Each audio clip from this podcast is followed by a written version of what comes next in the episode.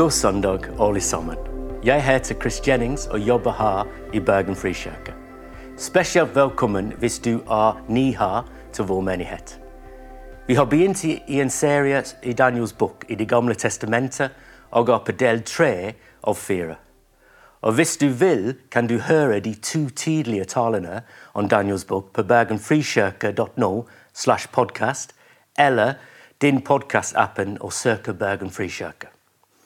I dag skal vi se på Daniel kapittel 7. Dette kapitlet er litt annerledes enn de fleste seks kapitlene i både språk og genre. Men dette kapitlet er viktig for å hjelpe oss å leve med en robust tro. Daniel 7 inkluderer informasjon om hva som vil skje når Jesus kommer tilbake. Vi vet mer og mer enn hva Daniel skjønte, pga. at noen av dem er oppfylt allerede, og vi har Det nye testamentet som kan hjelpe oss. For noen kan det være spennende å se på hva som vil skje når Jesus kommer tilbake men også litt frustrerende pga.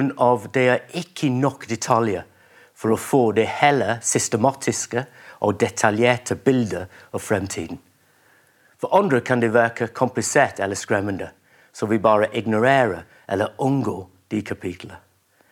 Du kan føle at hva er poeng? Så hvorfor er det viktig å lese og forstå? For meg så er det som en puslespill. Jeg har et bilde med meg. Og uh, hvis du ser, det er ikke fullført. Det mangler deler, men du har rammen rundt, og du kan lage rammen rundt og noen detaljer. Det å vite rammen kan være veldig hjelpsom for å få det riktige perspektiv nå om livet. Til å hjelpe oss å ha et robust tro. Det gir oss håp og trøst når livet er vanskelig. Og nå i koronatider kan det være vanskelig for de fleste av oss. Men rammen kan hjelpe oss å se fremover mens vi lever for Jesus her og nå. Så Daniel Siv er en del av denne rammen i puslespillet. La oss se på Daniel Siv sammen, og la oss prøve å legge merke til tre ting. Nummer én åndskap er virkelig og ekte. Så åndskap er virkelig og ekte. La oss lese fra vers 2 til 3. Daniel fortalte jeg så i et sinn om natten, og se, himmelens fire vinder satte det store havet i opprør. Fire store dyr steg opp fra havet, det ene forskjellige fra det andre. Språket her er vanskelig fordi det er fullt av bilder og symbolikk. De fire dyrene representerer fire forskjellige tidsfaser, eller riker. De fire er mest sannsynlig det babylonisk, persisk, gresk og den romerske riket, som vi fremdeles lever i i dag. Det er de sammen som man finner i Daniel kapittel 2. Vers 7. Deretter så jeg i nattsinnene og se et fjerde dyr, fryktelig og skremmende og veldig sterk. Det fjerde dyret er åndskapsfull og mektig, og den tiden begynte før Jesus kom første gang og vi er fortsatt i denne tiden nå. Vers 23 beskriver mer. Dette så han. Den fjerde dyret betyr at det skal komme et fjerde rike på jorden. Et som er forskjellig fra alle de andre rikene. Det skal sluke hele jorden, tråkke den ned og knuse den. De ti hornene betyr at det skal stå frem ti konger fra dette riket. Og etter dem skal det stå frem enda en konge som er forskjellige fra de andre. Han skal tvinge under seg tre konger. Han skal tale mot den høyeste og fare hardt frem mot den høyestes hellige. Han skal bestemme seg for å forandre tider og lover, og de hellige skal overgis i hans hånd en tid, tider og en halvtid. Her er det mer detaljer som er vanskelig å forstå. Hva som er klart, er at åndskap er ekte, og åndskap er virkelig, og den er kraftfull. La oss se gjennom øynene på Det nye testamentet. Vi skal lese fra Efesene 6, vers 11-12. Paulus skriver Ta på Guds fulle rustning, så dere kan stå mot djevelens listige knep. For vårt kamp er ikke mot kjøtt og blå, men mot makter og åndskrafter, mot verdens herskere i dette mørket, mot åndskapens ande her i himmelrommet.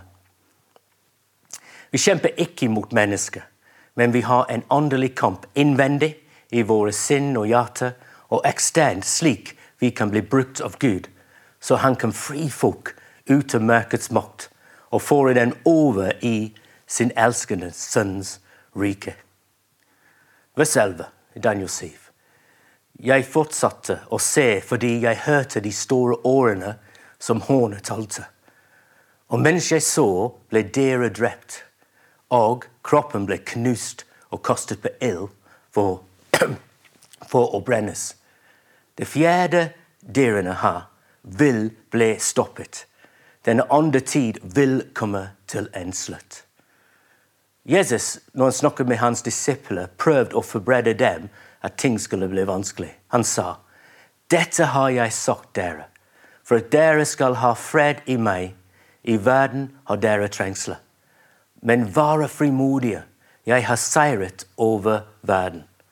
Det er Johannes 16, vers 33. Livet vil føre på problemer, men Jesus er seierherren. Jesus har overkommet verden. Dette sa han pga. at vi kan bli redd når vi tenker på åndskapen. Men vi trenger ikke frykte, for Jesus er i oss. Han er større enn han som er i verden. Nummer to. Selv om vi ikke ser det eller føler det, så har Gud kontroll. Jeg sier det en gang til. Selv om vi ikke ser det eller føler det, så har Gud kontroll. Dette er det store temaet gjennom hele boken av Daniel. At Gud er i kontroll. I vers 9-10 vi får et bilde av Gud som far. Vers 9. Videre så jeg tronestoler ble satt fram, og en som var gammel av dager, tok sete. Klærne hans var hvite som snø, og håret på hodet som ren øl. Tronen var flammende lue, og hjulene under dem var luende ild. En elv av ild fløt fram og strømmet ut foran ham. Tusen på tusen kjente han, ti tusen på tu tusen sto foran han. Retten ble sagt, og bøken åpnet. Det er et bilde av Gud, hvor Gud er allmektig og mer kraftige enn åndskapen. Og han har en plan. De naturlige spørsmål jeg har å stille etter jeg tenker på det, er hvorfor tillater Gud åndskapen? Hvorfor stopper han ikke der og da? En del svar finner vi i 2. Peter kapittel 3, vers 9-10. La meg lese. Herren er ikke sen med å oppfylle sitt løfte, som noen mener. Nei, han er tålmodig med dere for han vil ikke at noen skal gå fortapt, men at alle skal nå frem til omvendelse. Men Herrens dag skal komme som en tyv. Gud vil ikke stoppe alle åndskap, men det betyr Gud, sorry, Gud vil stoppe alle åndskap, men det betyr at Jesus må komme tilbake. Personlig er jeg glad for at han ikke har kommet tilbake for 2000 år siden eller 500 år ved den slags skyld.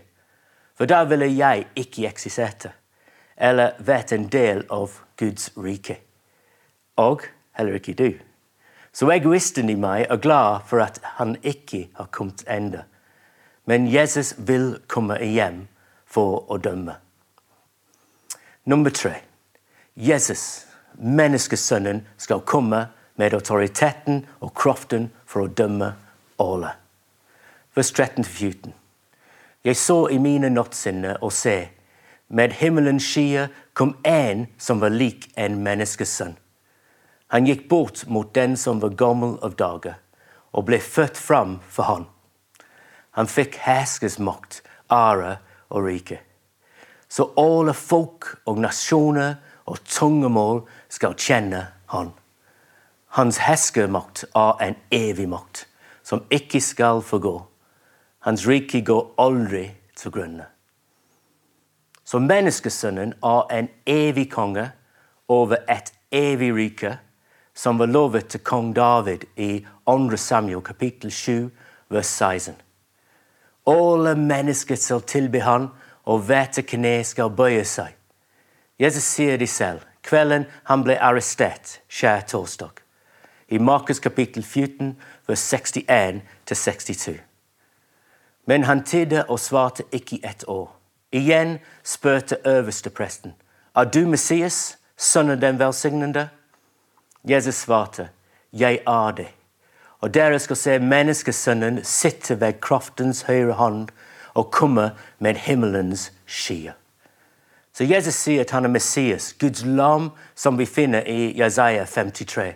Og menneskesønnen, den allmektige dommer, kongenes konge, herrenes herre, som vi finner i Daniel kapittel 7.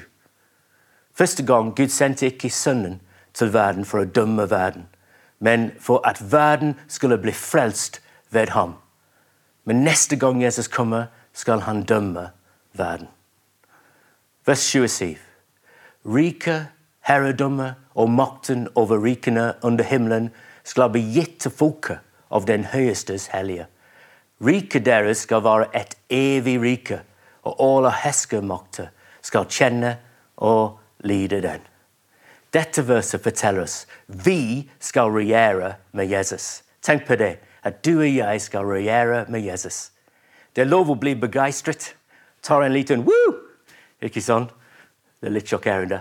Men vi skal regjere med kongenes konge, herrenes herre, for alltid. Det er vårt håp som kan trøste oss og gi oss motivasjon og energi for å leve for Han nå. Hvis du leser siste vers i Daniel kapittel 7, Daniel ble overveldet av alt det han hørte. Men vi vet nå enda mer enn hva Daniel visste. Og vi tror fordi noen av tingene er ikke bare hva Gud har sagt og lovet, men også hva Gud har gjort gjennom Jesus for 2000 år siden. Vi har sett en del av oppfyllelse. Så hva skal vi gjøre med det? Vi skal tenke på to ting. Så her er det første ting. Det første ting er det er viktig å ha et godt perspektiv på livet nå. Så jeg sier det igjen. Det er viktig å ha et godt perspektiv på livet nå. Koronaen og alle restriksjonene har gjort livet tøft og frustrerende. Det har vært en tid med en berg-og-dal-bane av følelser. Jeg har blitt lei, og sikkert du har blitt lei. Men også jeg er lei av å være lei. Vi trenger håp og glede og fred. Men av og til merker jeg at jeg leter feil steder for å finne disse. Jeg trenger at øynene mine er rettet mot Jesus nå, og den fantastiske fremtid vi skal ha med han. Vi må la det fremtidige håpet vi har i Jesus, gjennomsyre og invadere livet i dag, rett nå. C.S. Lewis sa hvis du leser historier, vil du se at de kristne som gjorde mest for sin nåværende verden, var akkurat de som tenkte mest på de neste. Det er fordi kristne har sluttet å tenke på de neste, at de har blitt så ineffektive i denne. Sikt på himmelen og få verden med på kjøpet. Sikt på verden, og du vil få ingen av delene. La meg fortelle en historie uh, fra 1970-tallet. Over Tyskland hadde Nato noen øvelser med kampflyene. Noen av flyene så sånn ut. De hadde en pilot og en navigatør. Navigatørene satt bak piloten og så ned på kartet sitt. På de dagene hadde de ikke Google Maps, de måtte bruke en fysisk kart. Under øvelse uh, flydde piloten fort da han plutselig lagt merke til det var en annen fly som flydde mot han i høy hastighet. Han reagerte momentant snudde fly til høyre, så det gikk sånn. Opp ned og nedover bakken. Navigatørene så ned på kartet mens alt dette skjedde. Da han plutselig merker at han er opp ned, og alt han kan se, at bakken nærmer seg veldig raskt. Han tenker at de kommer til å krasje, og han reagerer momentant og skyter seg selv og en overrasket pilot ut av flyet. Begge landet trygg, men flyet med en verdi av 200 millioner kroner ble ødelagt. Etter dette, denne episoden endret de sånn at navigatørene bare kunne skyte seg selv ut av flyet. Navigatørene skjøt seg selv og piloten ut pga. at han bare så halvparten av bildet.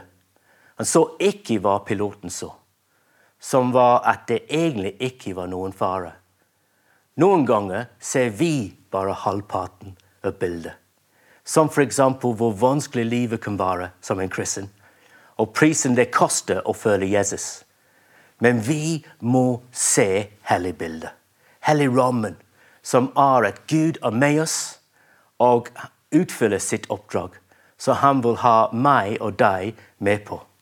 Og vi har en fantastisk fremtid. At vi skal regjere med Jesus for alltid. Den andre ting. Vi venter på at Jesus skal komme hjem, men vi venter aktivt, ikke passivt. Passiv vil si at vi prøver å være usynlig og ubemerket. Som en kameleon. Aran er ikke søt, han er veldig søt kameleon. En kameleon endrer farge og utseende for å passe inn og bli lik alle andre. Så aktiv vil si at vi tar på alvor hva Jesus sa i Johannes 20, 21. Som Far har sendt meg, sender jeg. Og vi er den som Jesus har sendt. Om vi kan leve som salt og lys i denne verden for å bety en forskjell. Daniel var velsignet for å velsigne babylonerne og de jødiske folk da og da. Han var velsignet for å velsigne. Efesene 1,3 sier For Herre Jesu Kristi Far, Han som i Kristus har velsignet oss med all åndens velsignelse i himmelen.